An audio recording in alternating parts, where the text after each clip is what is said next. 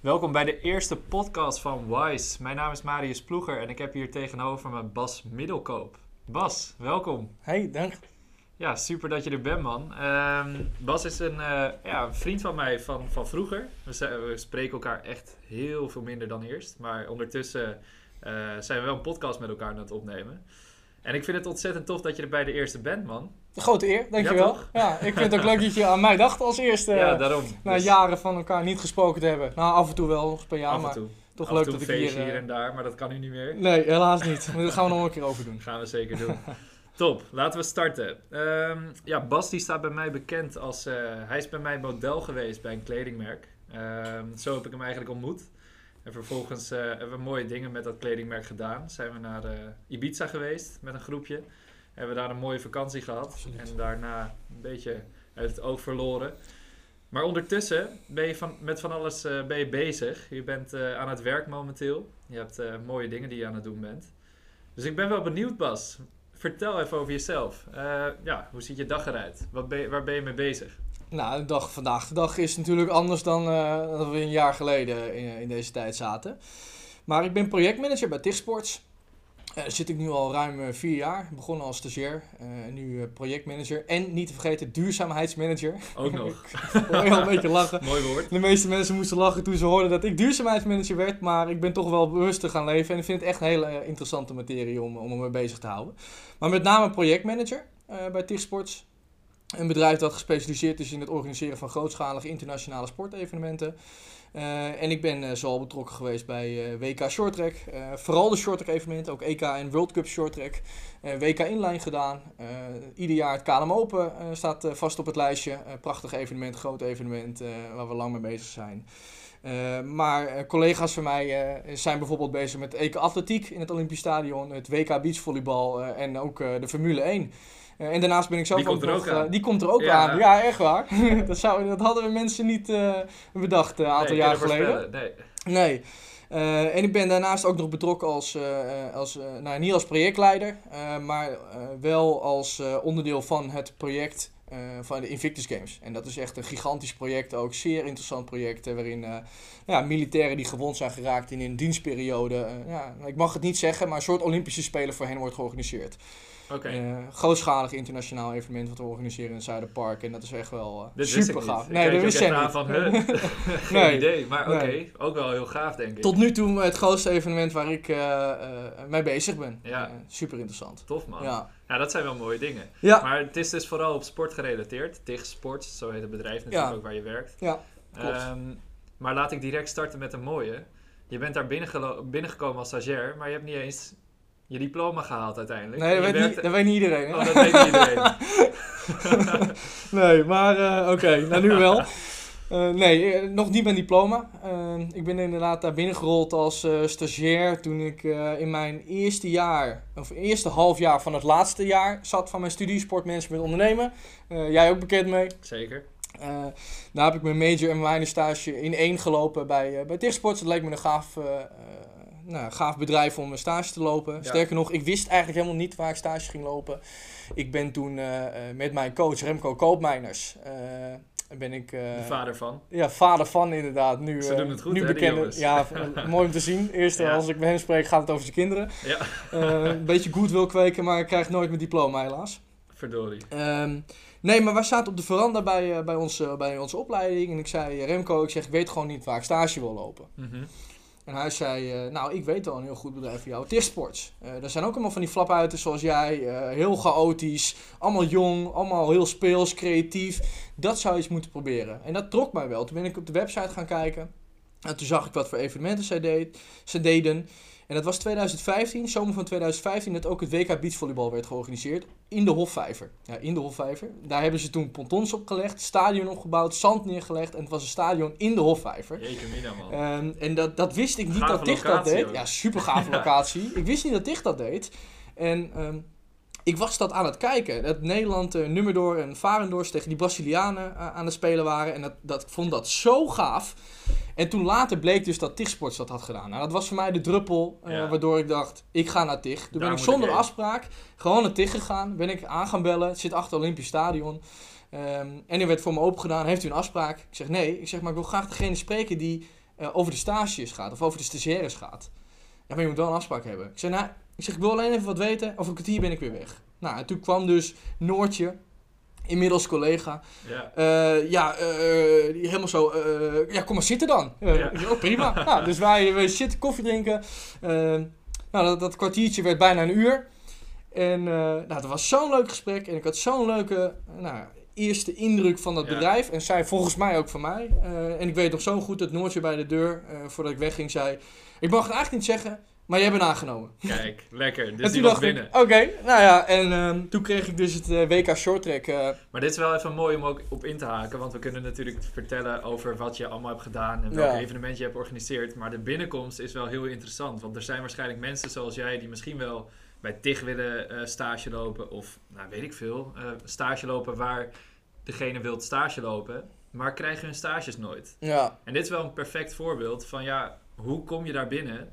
Ga er gewoon heen. Ja, af en toe moet je gewoon een beetje brutaal zijn. Hè? En dat, dat hoort ook een beetje bij het proactieve. Mhm. Eh, en, en zonder dat brutale en het proactieve, eh, maar niet te vergeten ook dat sociale, eh, maak je echt wel een goede kans om bij een bedrijf binnen te komen. En ik, Ja. ik denk ook zeker wel dat door dat wat ik heb gedaan, dat brutale en ehm, eh, vooral dat passievol praten over, over sporten en ehm, inlezen in een bedrijf waar je op dat moment stage wil lopen, dat dat wel eh, invloed heeft gehad op de keuze eh, om mij als stagiair aan te nemen toen Dat die tijd. wel. Ja.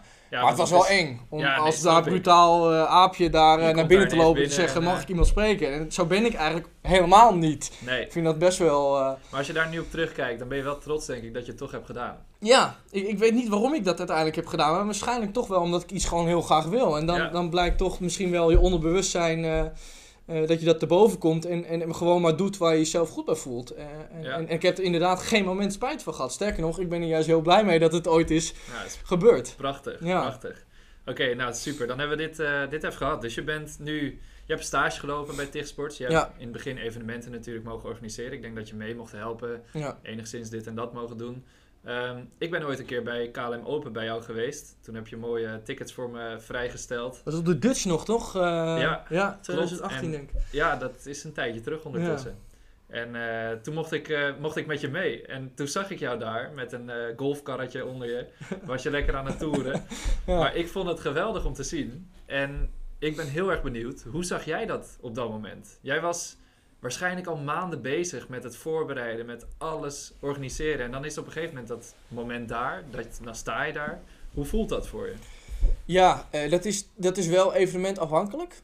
Ehm je zegt een jaar van tevoren. Wat, wat wel gebruikelijk is, is dat bij evenementen die we ehm, eh, nou ja, op een reguliere basis organiseren, eens per jaar, zoals een, een shorttrack evenement of een KLM Open of een beachvolleybal evenement, dat, dat is gesneden koek. Daar liggen de draaiboeken voor klaar en daar hebben we inderdaad vaak een jaar voor nodig. Al is dat best lang.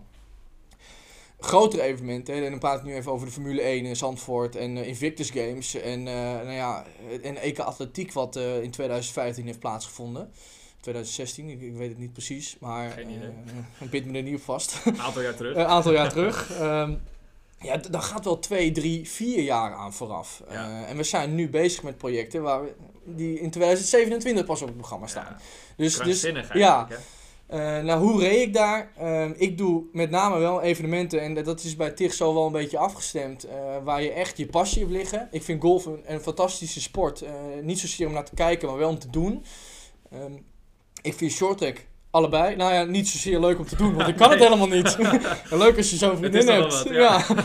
Eh, maar ik vind het waanzinnig spectaculair om te kijken. Ik ben echt Ja. verliefd op de sport, letterlijk en figuurlijk.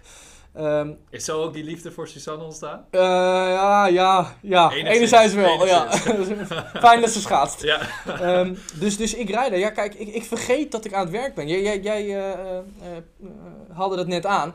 Hoe voel jij je in zo'n golfcar? Ja, ik vergeet dat ik aan het werk ben. Want ik vind het gewoon leuk. En al is het van 6 uur s ochtends tot 12 uur s avonds. Want dat zijn de uren die we maken op evenementen. Je vergeet dat je uren maakt waar je voor je betaald krijgt. Je, Ja. je, je hebt gewoon zoiets van: ik doe dit werk omdat ik het leuk vind. Omdat ik. ehm, waardering wil krijgen. En omdat ik met mijn collega's, die meer dan collega's van mij zijn, het zijn echt gewoon vrienden van mij, waar je echt meer dan eh, alleen werkgerelateerde zaken mee deelt, eh, werk je naar een evenement toe. En je merkt ook wel in de voorbereiding op kantoor, nou dan ben je inderdaad wel collega's en kan je af en toe met elkaar lachen. Maar op zo'n evenement, dan groei je helemaal met elkaar toe. Je zit toch in een soort bubbel, Mhm. eh, zeker met KLM Open. Je bent veel met elkaar. Je bent echt heel veel met elkaar. Hè? Ik, ik zie hen vaker dan mijn eigen ouders of mijn eigen vriendin. Mhm. Ja, Ehm, maar, maar je hebt dus zo'n hechte band en dat maakt het zo leuk dat je met elkaar naar een project toe werkt. Ehm, en ik vind het prachtig, en dan, dan haal ik even het voorbeeld van Shorttrack aan, eh, dat een project waar ik onderdeel was van in de organisatie, eh, tot een succes wordt uitgeroepen. Eh, en dat, dat uitzicht vaak in dat ik gewoon ga zitten naast random mensen die ik helemaal niet ken en die mij ook niet kennen, want ik ben altijd een beetje natuurlijk, ja, ik sta achter op het toneel, niemand Mhm. ziet wie, Nee. sterker nog, ik sta achter het gordijn.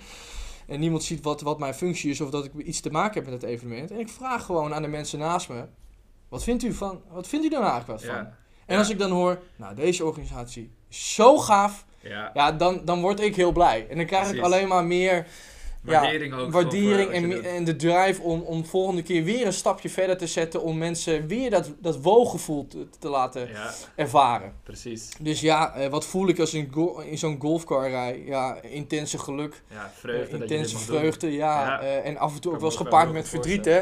gaat heel vaak wat mis tijdens evenementen waarin mensen eigenlijk helemaal niet doorhebben. Er gaat altijd wat mis tijdens evenementen. Ik heb nog nooit een evenement meegemaakt wat, wat wel eens eh, eh, wat vlekkeloos is verlopen. Ja. Alleen het gaat erom hoe, eh, hoe flexibel ben je als organisatie en wat is de impact van de problemen die zich op dat moment voordoen. Eh, en die problemen die zich voordoen moeten eigenlijk alleen maar backstage voordoen Ja. dat publiek eigenlijk niet het gevoel moet hebben dat er iets fout gaat. En, en ja, tot nu toe gaat dat goed. ja, en Eh, als het fout gaat, dan hoort het bij het plan, zeg maar. Gewoon Ja. dat je het op die manier camoufleert. je mag nooit schreeuwen als organisatie, je mag nooit rennen. Want op het moment dat mensen zien dat de organisatie Paniek. rent, hebben ze een beetje het gevoel, hé, hey, er gaat iets mis. Ja, Dus je moet altijd, en af en toe moet je bluffen. Maar ja, dat is ook het vak en da- daar rol je ook in. En, is ook mooi. En dat leer je natuurlijk allemaal gaandeweg. Want het is Ja. natuurlijk niet zo dat je dit op dag 1, dat je het stage kwam lopen, dat je dit vlekkeloos kon organiseren. Ik Absoluut weet niet. En, zeker dat er dingen fout zijn gegaan. en ik leer, nu ook nog, hè. Dus, dus het is niet zo, ik, ik zit er ook maar vier jaar. En Ja, ik ben ook nog, eigenlijk ben ik nog een broekie. Alleen ik zit er wel al vier, en in vier jaar kan je heel veel gedaan hebben. Heb ik ook al heel veel gedaan. Maar ik merk ieder project nog wel dat ik eh, mezelf voor de schenen stoot. En zoiets heb van, nou kom op Bas, eh, had even iets anders gekund. Precies. Of eh, volgende keer Maar doen goed, hoe, hoe ga je daar inderdaad mee om? Daar ben ik wel heel benieuwd naar. Want het is natuurlijk vaak zo, succesvolle mensen, die gaan tegen fouten aanlopen. Ja, Ehm, en nou ja, het is van belang dat je dan van die fouten leert. En kijkt, hé, hey, wat had ik anders kunnen doen? En eigenlijk analyseren. En vervolgens, als je het weer opnieuw gaat doen, dat je dan die fout of herstelt of voorkomt. ja.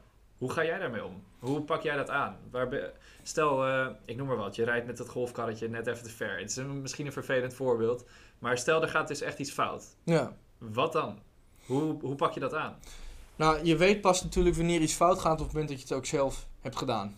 Ehm, en, en een goed voorbeeld bij het KLM Open is dat wij eh, een pad achterlangs de golfbaan hadden, waar alle heftrucks overheen moesten rijden. Want die Mhm. mogen natuurlijk niet over de het gras is heilig. Nee, ja, die mogen precies. daar niet rijden, anders Tuurlijk. heb ik straks alle greenkeepers eh, Ja. met een hooivork achter me aanlopen. Ja. Dus in een van de risico's die ik me kon bedenken bij dat pad was, als een heftruck te hard gaat, kan hij de controle over het stuur verliezen en in de sloot belanden. Rara, wat is ja, er gebeurd? ik dacht, dit gebeurt. Nou, als wij een bordje daar neerzetten met eh, slowdown, Ja, komt het wel goed. Nee, absoluut niet. mooi niet. In dat evenement zijn er drie heftrucks de sloot ingereden. Joh. En dat dat neem ik mezelf. ook? Ja, hoe, hoe is het mogelijk? Maar het komt gewoon dat leveranciers vaak snel, snel, snel. Ja. Wij willen ook als organisatie snel opbouwen, want dan kunnen we snel weer weg. Zijn we Mhm. snel klaar. Meer tijd om, eh, om stil te staan. Ja, dus, dus ja, eh, ergens keuren we dat ook goed. Maar als organisatie moeten wij die risico's wegnemen. Ja. Ik had dat risico. Waarom ben ik niet van tevoren gewoon of naar een andere route gaan zoeken. Of zoiets hebben van ik ga het helemaal afhekken. Zodat ze sowieso niet de kans krijgen om Ja. in de sloot te gaan. Het gevolg namelijk was namelijk dat een heftruck in de sloot was beland. Ehm, Zo'n heftruck die gaat natuurlijk olielek in de sloot. Dus die moeten zo snel mogelijk uit. mhm. Ehm, nou, ze hangen me op als ik dit straks eh, eh, ga vertellen. maar het is best een grappig verhaal. ja. Eh, wij bellen collega's. Ik zeg, nou, dit is aan de hand. Wat moeten we doen?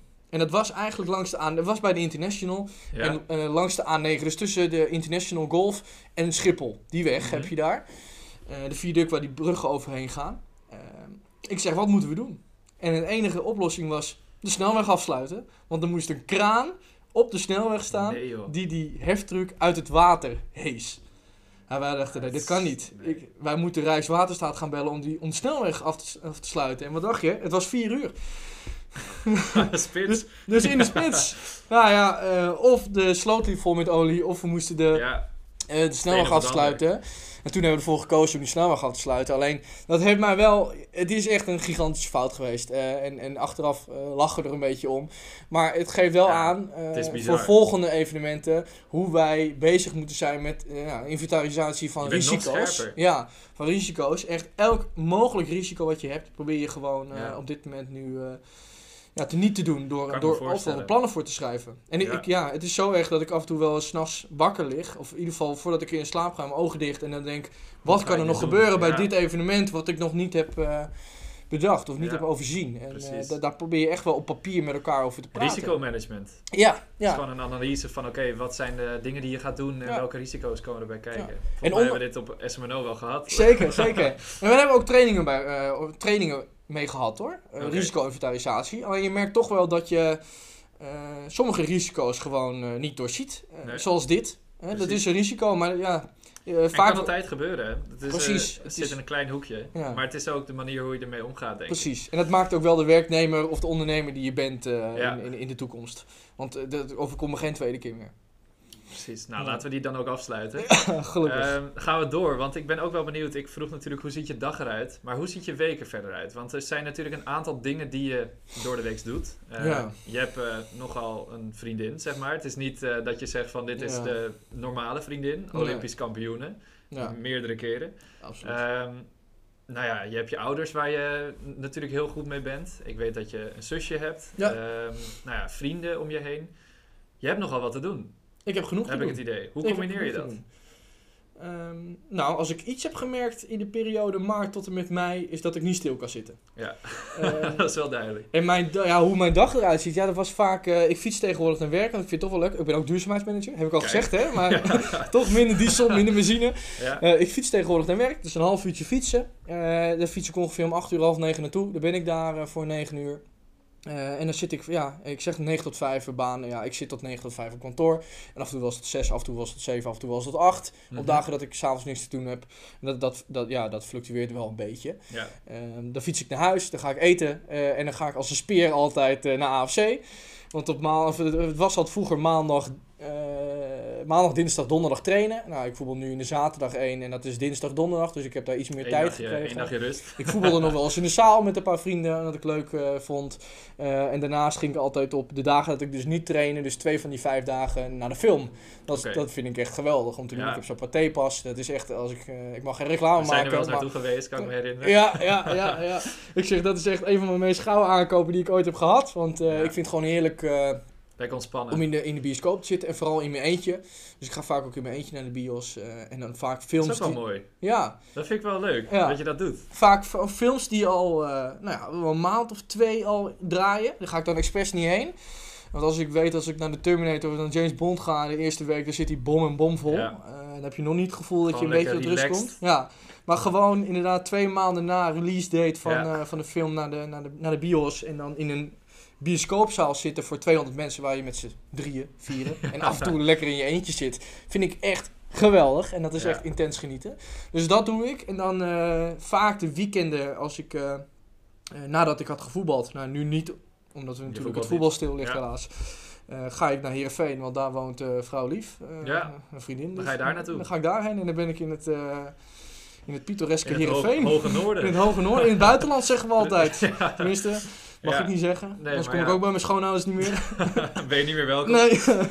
Maar eh, dat is natuurlijk ook wel wat, want je hebt dan Ja. een drukke week achter de rug. Dan, Ja. ga je naar, eh, dan ga je naar het hoge noorden. En ik, ja, het is natuurlijk logisch dat ik daar even op in wil haken. Want het Ja. is natuurlijk bijzonder. Je gaat eh, met een Olympisch kampioen, zoals ik net al zei. Die traint ontzettend veel. Eh, die moet letten op de voeding. Die moet letten op wat ze doet. Jij natuurlijk ook. Als duurzaamheidsmanager moet je daar natuurlijk ook iets meer mee bezig gaan. vooral de kilo's hoor. Ja. maar goed, dat is natuurlijk wel iets dat jij ook gewoon ja, moet kunnen combineren. Want het is zo, nou ja, eh, je kunt ook een vriendin hebben die ja, er voor jou eh, wat meer is. Ik denk dat het andersom, denk ik, wat meer is bij jou. Ik vul het even voor je in, maar hoe is dat?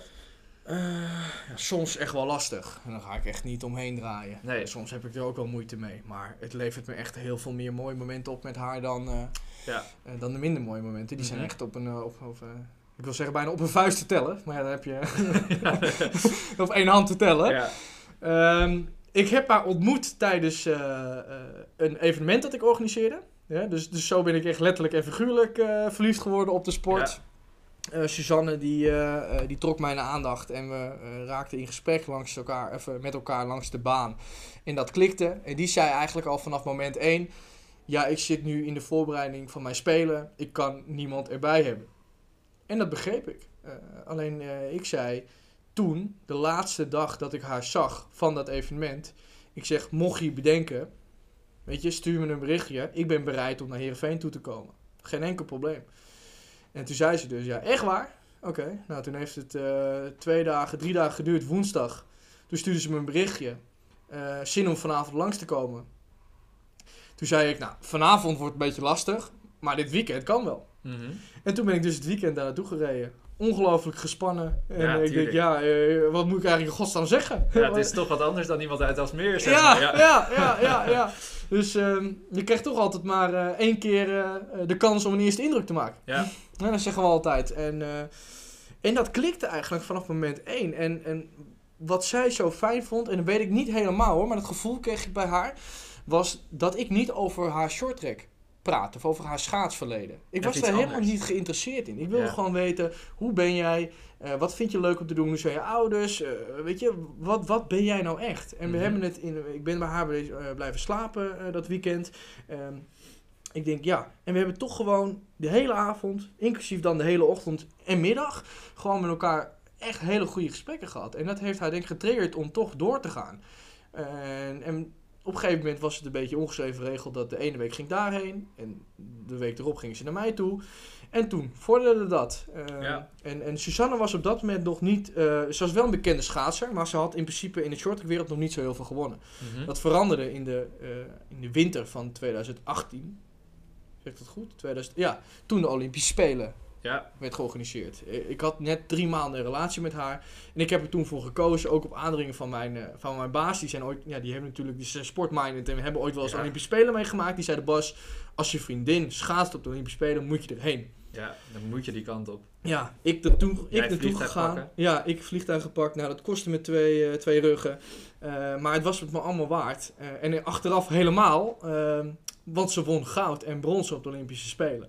Bizar. En vanaf dat moment is haar carrière echt in zo'n stroomversnelling terechtgekomen. Ehm, en toen is ze daarna het EK gaan winnen. En toen is ze World Cups gaan winnen. En eh, het, het WK gaan winnen. En op dit moment is ze gewoon de nummer 1 shorttrackster van de wereld. En ik ben daar super trots op. Maar aanvullend op jouw vraag waar Ja, je mee begon. eh, hoe is dat? Ja, dat is af en toe echt rete vervelend. Ehm, zeker in de periode eh, winter. Dus wanneer haar hoogseizoen is en alle wedstrijden achter elkaar worden eh, verreden. Je traint twee keer per dag. Je eet inderdaad uiterst gezond. Hè, ben je gewoon uitgeput, uitgeput na zo'n dag. Eh, Mhm. En af en toe als je zoiets hebt van, nou, nu wil ik gewoon even gezellig Even met elkaar, ja, even iets leuks doen, dan heeft zij daar geen zin in. En eh, ja, af en toe sterker nog, tijdens wedstrijden, als we daar samen rondlopen, krijg ik niet eens een hallo of, eh, of een kus, weet je wel. Eh, maar ik waardeer dat. ehm, Want zij is vol bezig met de sport. zij is vol bezig. Ik sta op plek 2. Dat respecteer ik ook. Eh, zij kan nog een jaar of 10, nou 12 misschien maximaal genieten van topsport. Als het een beetje mee zit, van mij nog 60 jaar. Ja, Ehm, dus ik kom die volgende 50 jaar wel. Ehm.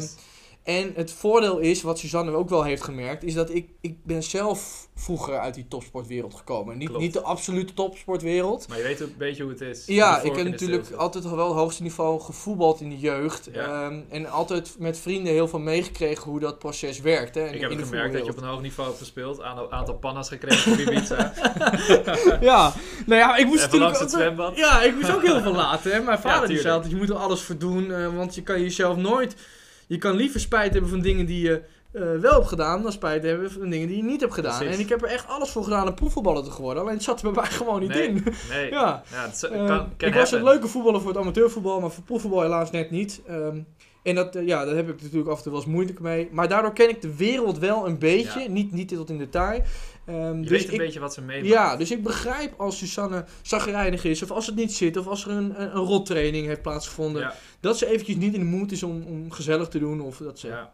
eh, naar bed gaat of weet ik veel wat. Dus, en ik merk dat zij dat ook wel waardeert. Dat ik, dat ik daar eh, eh, ook respect voor heb en waardering voor heb. En, en Nou, daar ik goed denk dat het om voor haar misschien ook wel belangrijk is. Want je zegt natuurlijk, we begonnen hiermee met, met TIGsports. Jij hebt natuurlijk ook gewoon een druk leven hiernaast. Het is Ja. niet zo dat jullie ehm, elkaar, denk ik, opeens zetten. Misschien wel op bepaalde momenten.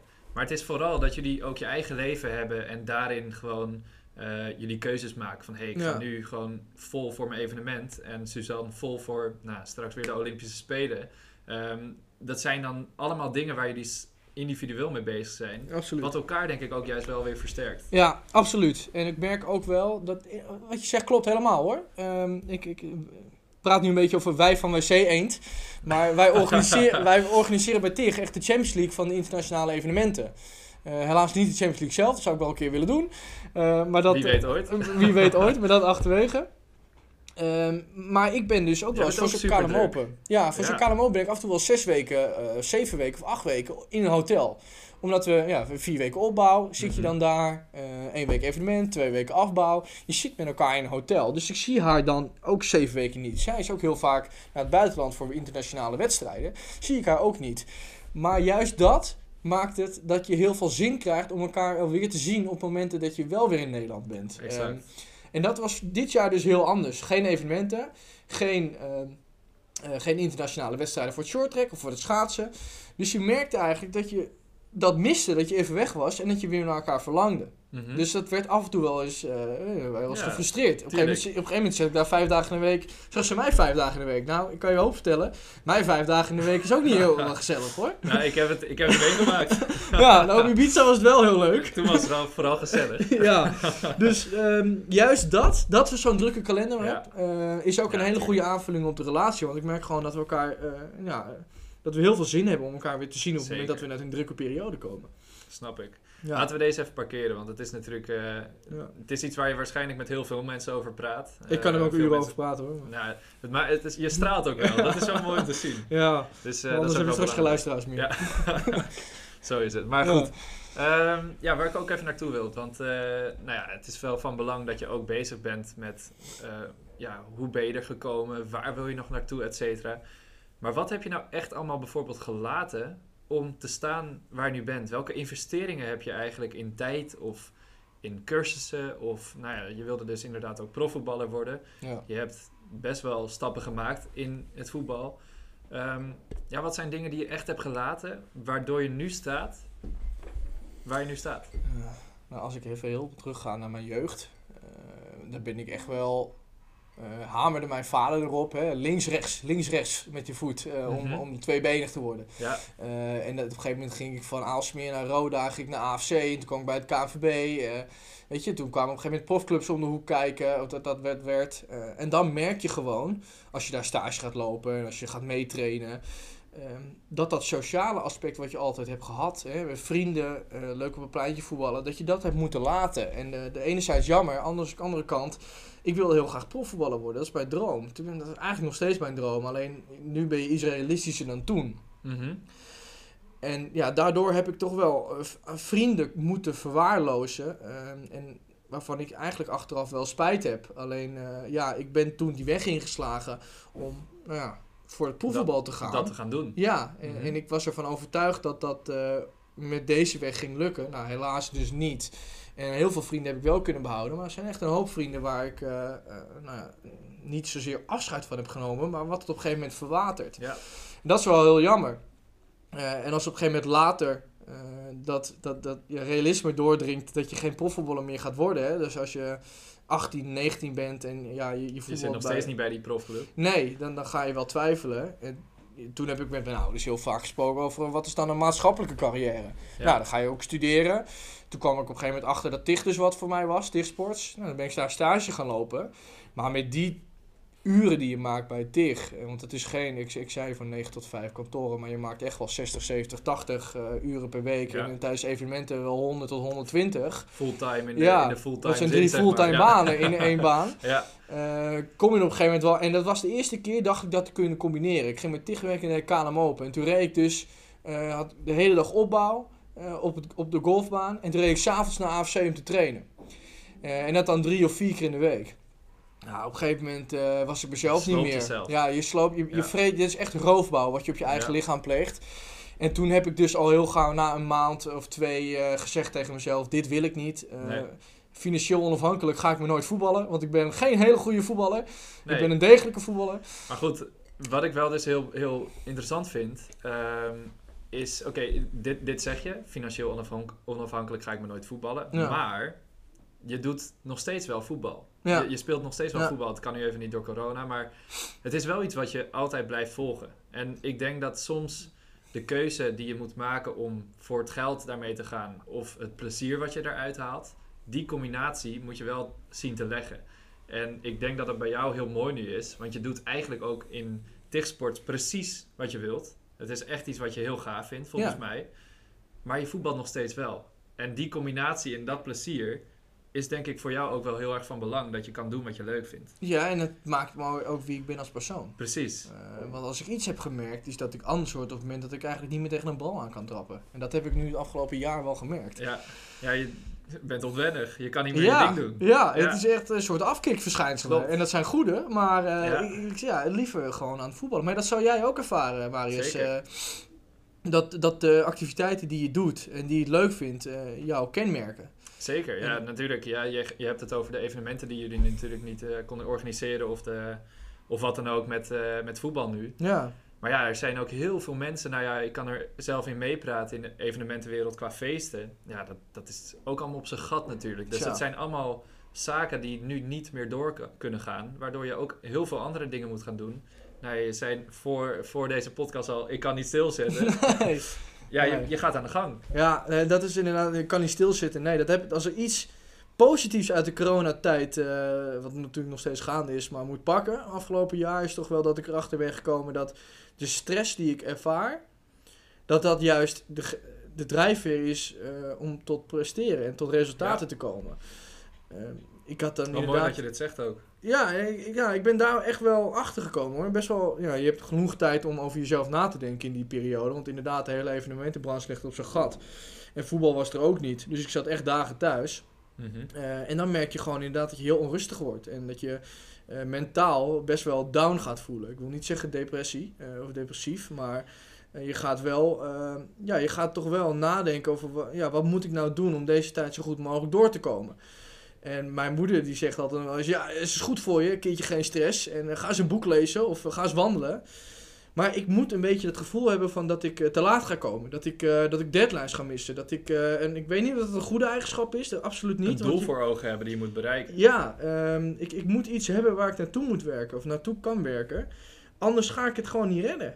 Je moet tegen mij zeggen, Bas, over twee weken moet dat plan klaar zijn. En dan Mhm. zorg ik ervoor dat het over twee weken klaar is. En het liefst eerder. Dat, Ja. dat is dan de kick.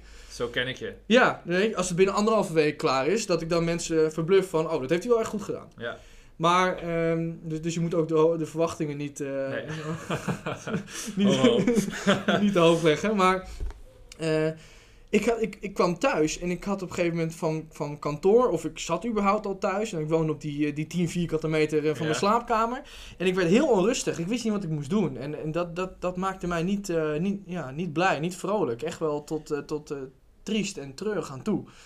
Eh, En en dit toen ik is wat we wel heel veel mer- merken om ons heen, denk ik ook. Ja. Eh, mensen die geen idee hebben wat ze nou moeten. Hun Oh. uitlaat, uitlaatklep is weg. Eh, Ja. Een keer een feestje pakken. Gezellig met een vriend of een vriendin naar de kroeg. Ehm, niet dat dat de dingen zijn die je standaard zou moeten doen. Maar het is wel even iets anders dan inderdaad in die 10 vier, eh, 10 Ja. vierkante meter zitten, denk ik. Nou, wat je als laatste zegt, ik denk dat heel veel mensen, eh tu- tuurlijk is dat niet de waarheid. Eh, maar voor heel veel mensen wel. Mhm. Dus dat de crew, wij blijken dus gewoon sociale dieren te zijn. Tuurlijk. Die wel eh hutje mutje bij elkaar op een, eh, in een feest moeten staan. En Mhm. dan, dan scheer ik iedereen over één kam. Eh, maar dat, dat, wil ik ook helemaal niet. Maar er zijn heel veel mensen die vinden het lekker om alleen te zijn. Dus dat deze periode juist een soort verademing Ja. is. Ehm, en, en die zijn erachter gekomen dat als het leven straks wel weer nou, doorgaat, dan hou ik me eigenlijk weer een beetje in deze zone. Precies. Hè? En dat, en dat Ja, vind ik hartstikke goed. Ja, daar kom je dan ook achter. En dat had je daar misschien anders nooit achter gekomen. Dus Mhm. in zekere zin kan voor heel veel mensen deze coronatijd ook wel een eye-opener zijn. Maar eh, voor andere mensen is dit juist een eye-opener eh, op negatief gebied. Omdat we er dus achter komen van, hé, hey, we hebben die feesten helemaal nodig. We- Ik, ik merk bij mezelf, ik heb gewoon knuffels, ik heb gewoon fysiek contact. Ik wil een high five, ik wil een Ja. box geven. Nou ja, eh, met sommige mensen doe je dat natuurlijk nog steeds. Omdat je wel de behoefte Close met voelt. elkaar bent, ja. Ja, ehm, het is heel raar om een van je beste maten Ja. te zien, maar eh, het gevoel te hebben dat je elkaar niet een knuffel mag Ja, geven. dat je op afstand moet blijven en Ja. moet zwaaien van hoi. eh, En ik vind het dus heel bizar dat, eh, nou, we zitten al jarenlang, al decennia lang, is het er vastgegeven dat je elkaar zoent of eh, weet je wel, drie kussen. eh. nou vind ik dat trouwens eh, ook een positief Dat is punt. eh, dat je op een verjaardag dat je niet weet wie je dan wel of geen Ja, kussen moet geven. Het Nu is alleen maar, joep, doe je de mazzel. Ja, precies. Ehm, maar eh, dat je af en toe met dat, dat een vreemde gewaarwording is, dat je iemand een hand geeft. Hoe, hoe gek dat het brein gek, eh, daarop in kan spelen. Ja, dus dat het inderdaad raar is. gewoonte die je... We geven geen handen meer. Nee, En eh, hoe, ja, ik vind het nog ergens gek. Het is gewenning, maar het, ja, het wil maar niet wennen bij mij. nee, ik Misschien bij andere mensen wel. Nee, ja, nee, ik heb hetzelfde. Het is natuurlijk zo, het is nog steeds gek hoe je elkaar groet. Eh, mensen Ja. die je nog niet kent, die wil je gewoon voorstellen van, hé, hey, ik ben die en die. Exact. En ehm, nou ja, dat is natuurlijk ook gewoon lastig. Maar goed, het is natuurlijk, eh, ja, de- vanavond horen we wat er allemaal nog meer gaat gebeuren na drie weken, of nou, langer zelfs. Een aantal weken lockdown gaat die misschien verlengd worden. Ehm, we weten niet wat de toekomst ons gaat brengen. En we moeten eigenlijk gewoon door in eh, de dingen die we wel nog kunnen. De dingen die we wel nog willen doen. En dat brengt, is een mooi bruggetje, Ja. al zeg ik het zelf. Maar ehm, ja, wat zijn de dingen die jij nu wilt gaan doen? Ehm, je bent vooral bezig met evenementen binnen TIGsports. Ja. Je bent eh, druk met een vriendin. Je ziet je ouders denk ik nog gewoon veel. Ehm, het zijn allemaal zaken die je nu aan het doen bent. Maar wat zijn de dingen die je nu ja, zou willen creëren? Wat is een korte termijn doel die je voor jezelf hebt gesteld? Mm, korte termijn. Nou, eh, dat zijn met name werkgerelateerde zaken. Ik merk dat ik de afgelopen jaren in de, in de uitvoer zat eh, van evenementen. We hebben, bij TIG hebben we vier afdelingen. Ehm, en dan praat ik over operations. Daar ben ik in. Daar zit ik in. Eh, We hebben account. Die zijn met name eh, gespecialiseerd in het, eh, het onderhouden van relaties met, met partners en sponsoren. Dan heb je communicatie en, en netwerk. Of tenminste communicatie en marketing moet ik zeggen. Mhm. Die zijn met name gespecialiseerd op dat hele marketingstrategie, social media, online, offline kanalen. En we hebben tot slot sales. Eh, die probeer ik Mhm. nog, eh, die uiteindelijk gewoon eh, simpelweg Ja. geld uit het laadje brengt, eh, wat ik uitgeef. Ja, de kassa moet rinkelen. Daar komt, daar komt het wel op neer. En natuurlijk hebben we ook administratie. eh, maar ik bedoel, dat zijn een beetje de vier hoofdkenmerken. we, we werken wel eens in een eh, pizza eh, met vier eh, eh, kwadranten. Eh, Ja, dat, wel leuk. dat, dat- ja, in plaats van een hiërarchie, dan, dan is dat wel een beetje verschoven. Maar eh, zo kan ik dat denk ik wel het beste Omschrijven. eh, omschrijven.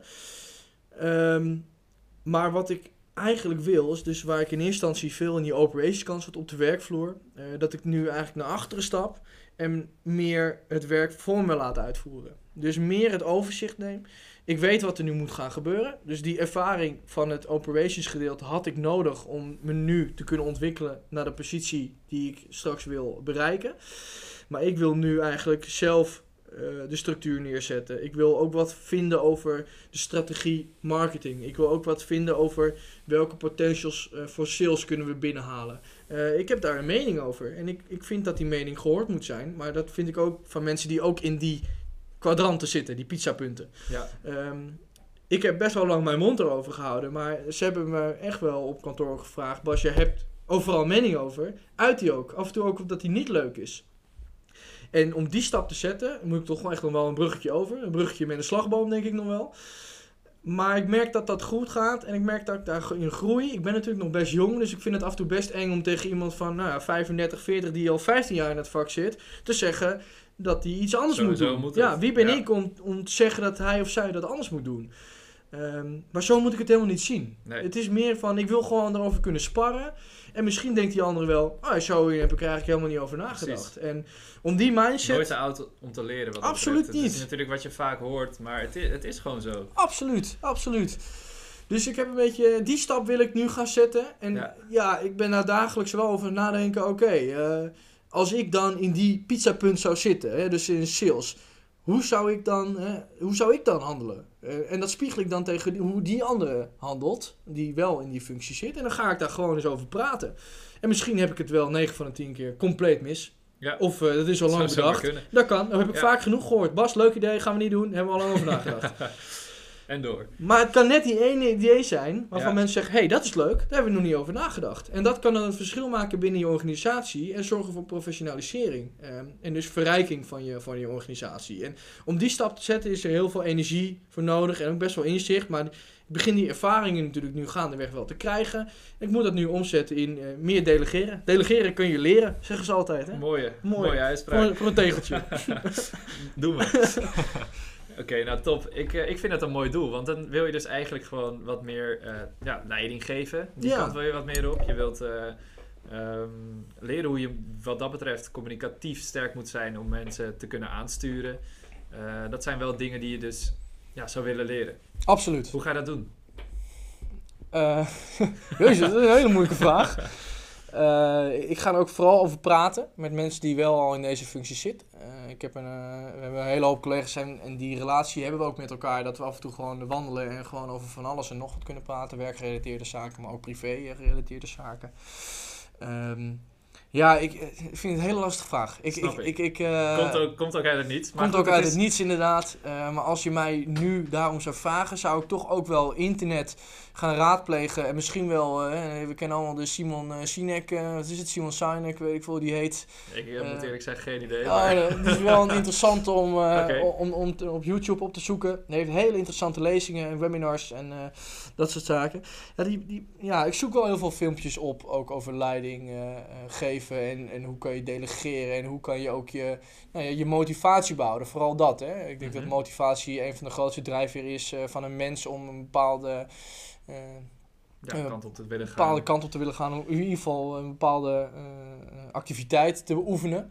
Hè, we, we voetballen omdat we het leuk vinden. Eh, ik doe mijn werk omdat ik het leuk vind. Ja, ik krijg er ook geld voor. Als ik er geen, ge- geen geld voor zou krijgen, zou ik ook wel bij gaan nadenken. Ik- We moeten er wel eerlijk over zijn. Ja, we doen het uiteindelijk wel voor het geld, eh, het werk. Anders eh, kunnen we niet leven. Maar je gaat je wel nadenken van... eh, als ik hetzelfde bedrag zou krijgen bij een ander bedrijf... zou ik daar dan wel tevreden mee zijn? En eh, nou ja, dit- dat zijn vragen die je zelf afstelt. Ja. Nou, de reden waarom ik het eigenlijk ook vroeg Ja. is, eh, hoe ga je dat doen? We vinden het bij WISE vinden we het vooral heel belangrijk. Van oké, mensen hebben soms wel eens doelen. Soms wel eens dingen die ze willen bereiken. Misschien hebben ze zelfs levensdoelen. Van hé, hey, ik wil eh, ooit degene zijn die eh Elon Musk van de troon eh, treedt... om uiteindelijk naar Mars te, Mars te kunnen gaan. Ja, Ehm, het is heel belangrijk om te weten hoe je dat gaat bereiken. Dus vandaar, daar- vandaar dat ik de vraag stel... ja daar ben jij is- gespecialiseerd in, hè? Nou ja, het, het is wel iets waar wij mee bezig zijn. Ja. Wat wij heel belangrijk vinden. En dat komt ook heel veel terug bij mensen van... Hé, hey, ehm, ja oké, ja, ik wil ooit miljonair worden. Nou, tof dat je miljonair wil worden. Maar hoe dan? Heb Ja. je daar wel eens over nagedacht? En dat is dus de reden... Je hoeft er geen antwoord op te geven. Het is juist stof om over na te denken. En dat vind ik wel een hele mooie... Hele Eh, interessante, ja. Hele mooie wat heel veel mensen... Ik denk van onze leeftijd... eh, vergeten. Ja, Susanne Schulting, die wil Olympisch kampioene worden. Hoe ga je dat doen? ja. Eh, ja goede vraag. nou ja, Ja. door te letten op voeding. Door, door elke dag je training te analyseren. Door elke dag dit. Ik weet natuurlijk niet hoe de planning van Suzanne Schulting eruit ziet. Nee. Ehm, maar waarschijnlijk is die heel erg bezig met het proces. Met hoe gaan we dit doen? Hoe gaan we dit bereiken? En dat uitvoeren. En niet zozeer met van, oh, ooit wil ik daar naartoe. Ik vind het een hele interessante materie, Marius. Ja? Maar eh, ik, ik moet wel eerlijk zeggen dat... Suzanne is mijn wel een lopende agenda. Ehm, die plant voor mij. Ik weet eigenlijk niet eens wat ik morgen doe. Eh. Ik zie wel dat ik Je morgen... bent gewoon, leef van dag tot dag. Ja, echt. Ik zie wel dat ik morgen wel overleef. Ehm, en dat maakt me ook wel een beetje de persoon die ik nu ben. Zo'n flap uit en zo geoot. ehm, maar dat maakt me juist af en toe voor de vrienden die ik heb... ook de, de persoon eh, hoe ik nu ben. Hè? De leuke persoon hoe ik ben. Ja, dat, dat siert je ook. Dat Eh, moet je ook niet verliezen. Nee, maar dat maakt het wel dat. En misschien zet je zet me wel aan het denken om eens na te denken over hoe ga ik dan die ontwikkeling vormgeven. Ja. En hoe ga ik daar naartoe komen. Want ik heb eigenlijk zoiets van. eh, de persoon wie ik nu ben is eigenlijk puur gekomen omdat ik heb zoiets van... Ik zie wel wat er gebeurt. Ik laat het allemaal op me afkomen. En ik ben eigenlijk constant nou ja, een soort mudmasters aan het lopen. Niet wetende welke obstakels er komt. En op het moment dat... Ja, Mooi, even een synoniem. Hoe denk je een metafoor, wat is het? Ehm, ik weet gewoon niet welke obstakels er komen. En op het moment dat het obstakel komt, ik zie wel hoe ik er, over, eh, hoe ik er overheen kom. Eh, Mhm. en, en dat heb ik ook een beetje, eh, en daarom heb ik een hekel aan hoe bepaalde opleidingen of scholen pretenderen de waarheid te spreken. De scholen zeggen vaak niet, of die, die geven je een opdracht, maar die zeggen ook hoe je die moet komen. Hè? Dus die zeggen, jij gaat naar deze top, maar je gaat hem beklimmen met een, eh, weet ik veel wat, met een, eh, met een, hier heb je je klimuitrusting en succes. Ja. Hè? En dan volgt een bepaalde route dat je boven die top komt. Op een of andere manier vind ik een weg dat ik met een helikopter naar boven kom en ook op, op- ja, en op dezelfde doel kom. Hè? Ja. Laten we- het gaat om het antwoord. Hè? Het antwoord is hetzelfde. Maar dat is dan fout. Hè? We moeten volgens Ja, bepaalde modellen werken. We moeten volgens bepaalde strategieën werken. Binnen de lijntjes. Ja, en als ik iets heb gemerkt bij TIG, is dat alles wat ik heb geleerd op mijn opleiding eigenlijk in de praktijk heel anders werkt. En ik snap dat een opleiding eh, iets moet geven, of iets van handvatten moet geven aan een student waar die zich aan kan vastklemmen. En van, dus, oké, dit is dus de basis en dan kunnen we eruit. Hè. Je moet ook een Mhm. student wel iets geven om, eh, om mee door te gaan. Eh, want als je ze helemaal niks geeft, ja, dan weten ze überhaupt niet hoe die, die berg op moeten. Alleen ik vind het jammer dat andere wegen dan alleen het bergbeklimmen worden afgekeurd. Ik vind dat juist de creativiteit van de mens, dat dat ons zo verrijkt. En vind ik juist zo mooi dat eh, mensen, als ze het niet kunnen, op een andere manier alsnog tot een antwoord of tot een oplossing komen. En dit is ook precies wat je zegt. Een, een mens die heeft zoveel potentieel. En dat wordt zo vaak, deze, in deze tijd, in dit schoolsysteem eigenlijk, wordt dat onbenut gelaten, Ja. ben ik van mening. Ja, En dit is precies wat je zegt. Jij komt er met die helikopter. Misschien is dat een veel interessantere, veel mooiere weg. Nou ja, ik denk het wel als je met die helikopter gaat. absoluut. Kan nog ergens anders zijn Ja, ook. precies. Maar goed, dat is wel iets ehm, ja, wat ook wel een item, denk ik, is op dit moment. Van, Ja, we, we leven volgens het boekje, maar een boekje heeft iemand geschreven omdat dat van iemand een fantastisch idee was. precies. Waarom bedenken we zelf niet dat fantastische idee? Ja, en, en ik begrijp ook wel dat 1 plus 1 is 2 is. Ja, Hè? tuurlijk. Maar de Eh, basis is Alleen om bij belangrijk. 6 te komen kan je keer, kan je delen door, kan je plussen. Dus, dus er is, weet je, er zijn meerdere wegen die naar die oplossing leiden. Ja. Ehm, en ik vind het zo jammer dat af en toe daar te weinig aandacht aan wordt. St- Sterker nog, sommige studenten, eh, waaronder ik, ik kan geen finance. Ik ben daar echt verschrikkelijk in. Dat is ook toevallig nog het tentamen wat ik moet halen op mijn opleiding. Die is mooi. Dus, eh, Bij maar- Rem zeker. bij Rem, ja. ja. Dus ik kan, weet je, finance ben ik gewoon niet zo goed in. Maar een van mijn taken bij, eh bij TIG is toch het beheren van een begroting. eh, kijk wat erin. eh, Natuurlijk niet in detail. Maar ik hou me er wel een beetje mee bezig. Dus ik, ik zou dan het liever zien, en dan praat ik een beetje in mijn eigen straatje. Ik heb een eigen bril, een roze bril op. Dat, dat zo'n opleiding moet zien. Nou, Bas die heeft alle facetten van, eh, van de opleiding heeft hij in zijn vingers. Behalve dat finance gedeelte. Maar ja, hij werkt wel bij TIG al vier jaar. Een bedrijf wat, wat naadloos aansluit op onze wensen en eisen die, eh, die een stagiair moet, eh, moet ondergaan. Geven we wel dat papiertje. Zo ben ik dat gesprek ook ingegaan. Nou, kon dan lachend weer terug hoor. Tuurlijk niet, Ja. je gewoon het taal maken. Maar ik bedoel, en, en, en daar begrijp ik het ook. Hè. Ik bedoel, als je mij dat papiertje geeft, dan moet je eh, Dan moet je wat ook, ja, als een schaap eh, over de dam is de volgende meer. Mhm. Ik bedoel, dan, dan volgt de een aan de andere eh, onderscheiding of, of bijzonderheden die, Ja. die ze moeten toepassen op studenten. Dus ik snap dat ze dat niet kunnen doen. Alleen ik vind dat opleidingen meer gericht naar studenten moeten kijken. Want heel veel studenten krijgen het gevoel dat ze nutteloos zijn omdat ze het papiertje niet hebben. Terwijl ze heel veel facetten van die studie wel gewoon Ja. goed, misschien En wel zeer goed beheersen. Ja, wie, zijn, wie, zijn die, ja, wie is die opleiding dan om te zeggen, nee, je kan het toch niet, hier geen papiertje. Ja. Ja, eh, ik ga er niet over. Eh, ik vind het wel heel interessant, maar ik kan er helaas... ooit, eh, ik heb er een mening over. ooit. Ja, wie weet ooit. Kan je het aanpassen? Ja, maar je hebt natuurlijk die opleiding alle Montessori en dat soort scholen. Die wel echt naar de, naar de student als hier kijken. Maar ik vind het zo jammer dat vaak eh, een klas, 25 mensen bijvoorbeeld, eh, ja, wel over één kam geschoren worden. Van, en dan wordt uitgepikt, hé, hey, jij kan geen rekenen, dus jij bent eigenlijk minder waard dan die ander. Dat is helemaal niet het geval. Iedereen is evenveel waard en iedereen heeft alleen andere talenten. Precies. Is iets waar we later op terug gaan komen. Is iets waar we later op terugkomen. Laten we dat eh, na deze podcast weer verder oppakken. Want ik vind het wel een interessant gesprek. Ja, Maar ja, we moeten natuurlijk ook even kijken. Dat vind ik wel heel, heel interessant. Naar Bas. Ik eh, vroeg het voor de podcast al. Van wie is Bas over 20, 30, 40, 50 jaar. Wat heeft hij allemaal gedaan? Eh, waar staat hij dan? Woont hij dan in, eh, in, weet ik veel, in de VS? Gaat hij naar Argentinië toe? Ik, ik noem Ja. maar wat. Blijft hij lekker bij Ne- in Nederland, dicht bij familie? Ehm, hoe zie jij dat voor je? Heb je een eigen bedrijf straks? Ehm, wie is Bas over een aantal jaar? Ja. Je Ja, hebt geen idee. ik heb, nee, dat, slaat een beetje aan, maar dat sluit een beetje aan op datgene wat ik net zei. Ja, Dat ik überhaupt niet weet of ik er volgende week nog ben. Dus, eh, ja. maar Maar er ik, zijn ik heb, sowieso nog wel dingen die je wil doen. Tuurlijk, tuurlijk, tuurlijk. Ik heb altijd gezegd tegen de mensen die ik ken, wat mij super gaaf lijkt, is eh, ergens naar het meest verre puntje van de wereld, eh, wat nog aan- land grenst van, van Nederland. Ik weet niet of dat Indonesië is of misschien richting die, kant op. Daar naartoe vliegen en dan eh, fietsend terug naar Nederland. En dan, eh, ja, iedereen lachte me uit. ik dacht gewoon, ik ga met het vliegtuig heen, ik koop daar een fiets. En ik ga gewoon op mijn dode gemak. Ik weet niet hoeveel kilometer het is, dat zou ik zo eens moeten opzoeken. Ja, Gewoon eh, fietsen van dorpje naar dorpje. Ik zie wel waar ik slaap. Ik zie wel hoe ik rondkom. Natuurlijk ga ik sparen daarvoor. Eh, maar gewoon om van elke cultuur, van Indonesië tot aan China, tot aan Rusland, tot aan eh, wat dan ook. wat dan ook waar ik doorheen fiets. Hè, dan moet ik even een route dooruit stippelen. Dus dat moet ik wel echt gaan Ja. plannen.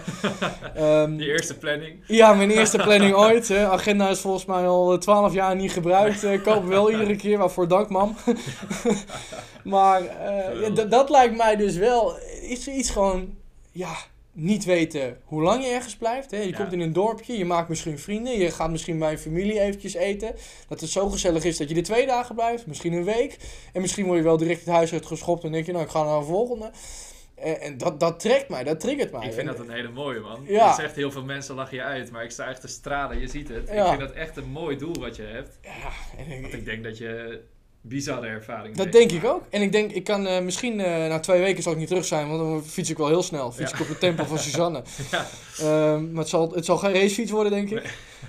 Ehm, ja, ik, ik, als duurt het een half jaar, dan duurt het een half jaar. En duurt het een anderhalf jaar, duurt het een anderhalf jaar. Eh, en zo sta ik erin. en dat is wel iets waarvan ik denk, nou ja, denk na 2025, eh, dan heb ik nog vijf jaar bij TIG gewerkt. Dat is iets wat ik heel graag zou willen doen en wat mij heel spannend lijkt. Want wat ik iets, iets gaaf vind, is om op plekken te komen waarin je niet zo snel komt. Eh, dus, dus als we gingen snorkelen, eh, ging ik altijd, zeiden ze, nou je mag niet buiten de boeien. Ja, dan ga je in de boeien. Vond ik het toch al. Ik denk, ja, nou dan vind je dus alleen maar die rotdieren. Ja. Ik wil die haaien zien. Ik wil die, die slangen die gevaarlijk zijn. Ik wil een beetje die adrenaline kick Nou, voelen van. naar Indonesië, man. Ja, ik zeg, en dan ging ik altijd buiten de, de boeien zwemmen. En dan werd ik altijd weer teruggefloten, maar dan deed ik alsof ik het niet hoorde. En toen vond mijn vader dus een gigantische zeeslang. Dat dus wij, dit is, dit is gaaf. Ja. En wij terug, want dat, dat ding dat achtervolgde ons, want dat zwom ons helemaal na. Eh, en toen lieten wij dus een foto zien, hadden zo'n boek met die plaatjes van dit was de slang eh, die wij zagen. En die duikinstructeur die zegt, "Ju- dit is de allergiftigste slang die hier leeft. Jullie moeten, wat zijn jullie in godsnaam aan het doen? Ja. ja Kom als de mythe terug. Maar weet je, dat gevoel, dat adrenaline kick, hè, ik wil, eh, als ik door de, de jungle loop, dan wil ik eh, niet over het pad lopen. Dan Ja. wil ik, eh, nee, door de bladeren heen lopen en het gevoel hebben. En, Avontuur beleven. ja, als er een waterval zie, niet kijken, nee, ik wil er vanaf springen. Ja. En dat, Dat zijn wel- dingen die wil ik doen als ik op reis ben. En, dus Ja, je is- bent ook natuurlijk wel op reis geweest en ik heb wel mooie plaatjes gezien natuurlijk. Maar dat zijn dus wel zaken die je nog een keer in je leven zou willen doen. Ja, Zoiets. ik wil mijn hele leven eigenlijk gewoon eh, buiten de lijntjes kleuren. Hoe ik ben opgegroeid, Ik hè. vind die mooi. Als, ja, ik Dat is ben, een mooie quote. Ja, ja, ja. Ik, ik, ik bedoel, op de basisschool eh, kon je nooit eh, binnen een lijntje kleuren, toen leer je het. Ik heb het nooit geleerd en eh, ik hoef het ook nooit te leren. Jouw tekeningen zagen er niet uit. Mijn tekeningen zagen er niet uit. Dan moest ik een gans steken Al en werd het een ze op jouw varken. manier mooi. ja. Nou, of het mooi werd, weet ik het niet. Ehm, maar ik was er in ieder geval tevreden mee. Ja, precies. en mijn ouders die zeiden dat ze mooi waren. Al zegt volgens mij iedere ouder dat. Oh, wat mooi. Ja. Gewoon eerlijk zijn. ja, precies. Maar ja, mijn hele leven staat nou eenmaal in het teken van buiten de lijntjes kleuren. En dat wil ik ook graag, eh, ook over 60 jaar zo houden. Dat ik Mooi, terugkijk als ik op mijn sterfbed lig en zeg... eh, Ik heb niet- alles gedaan wat ik, ik heb alles gedaan wat ik wilde doen en ik heb geleefd. En, eh, Ik ja, vind die ik, heb nergens, ik heb wel van dingen spijt, maar ik had er meer spijt van gehad als ik het niet had gedaan. Ik vind hem prachtig. Ik Ja, vind hem echt heel mooi. Want ja, ik, ik zou zeggen, ga daar ook gewoon volledig mee aan de slag. Want ik Ja. denk dat jou, dat jou gelukkig maakt. Normaal gesproken begin ik altijd met de vraag, wat maakt jou gelukkig? Eh, wat is hetgene wat Bas nou echt gelukkig maakt? Ehm, ik heb hem in eerste instantie niet gesteld. Maar ik denk dat dit jou gelukkig maakt. Buiten de lijntjes kleuren en doen en wat, wat jij ons- wilt. Ja. Wat wilde je vragen? Nee, ik zeg, en wat zou jij dan omschrijven? Wat, wat, Voor als- jou? Ja? Ja, ik denk dat het jou gelukkig maakt om Ja. te doen wat je wilt. Ja. Om te, te gaan genieten. Om, eh, ik noem maar wat, ehm, in plaats van eh, in het mooiste café ergens daar en daar te zitten, ga jij naar een avontuurlijk, avontuurlijk café en dan ga je dat ontdekken. Van, Ja. hey, is dat misschien nog leuker? En ik denk dat jij zo erin staat. Ja. En, en af en toe eh, echt wel op rustige momenten. Ik kan ook gewoon eh, Lekker genieten. vijf, vijf uur op een steiger zitten en naar de zon en naar het water kijken en naar langsvarende mensen. En daar intens van, intens van genieten. Ik vind dat mooi, man. Gewoon, eh, ja. Ik, eh, ik, wil bijna zeggen, ik wil bijna zeggen, laten we hem hiermee afsluiten. Maar ik heb nog een, een dingetje voor jou. Ehm, ik sluit hem altijd af. Dat ga ik tenminste doen. Dit is de eerste podcast. Maar ja. ik, ik wil hem afsluiten met... Welke vraag heb jij nu voor mij? En je kan er even over nadenken. Dus ik blijf ook even praten. Dus ja, verzin een vraag. Ah. eh, waarvan jij denkt van... Hé, hey, ehm, nou Marius, wat is iets wat jij zou willen doen? Ehm, waar, waar zijn jullie met Wise mee bezig? Eh, ik Ja, vind het gewoon, nou, ik heb daar heel snel een vraag op. Ik, ik, ben heel, ik vind het heel interessant om te horen wat jou nou echt het meest gelukkigste persoon op aarde maakt. ik heb daar, Of wat eh, moet er gebeuren om jou het meest gelukkige persoon op aarde te maken? Ja, nee, goede vraag. Ik vind, ik vind dat een hele mooie. Ja. Ik sta heel erg bekend als iemand die eigenlijk een beetje hetzelfde als jij doet. Om gewoon te gaan. En ehm, te doen inderdaad wat ik leuk vind. En ik ben nu met dit project bezig. En ik vind het meer dan een project. Dit is echt iets eh, wat ik heel groot wil gaan krijgen. En eh, met een team. Ehm, maar om even antwoord op, de, op je vraag te geven. Ja. Ik heb er eh, toevallig net even voor oud en nieuw heel lang over nagedacht. En wat mij enorm gelukkig nu maakt, is dat ik bezig ben met de weg waar ik over een aantal jaar terecht kom. En ik weet precies waar ik naartoe wil. En dat is dat ik straks ergens eh, een huisje heb in Toscane of in Barcelona. En waar ik lekker mijn vrienden uit kan nodigen. Ik doe dat nu ook al regelmatig. Maar waarom die locaties dan?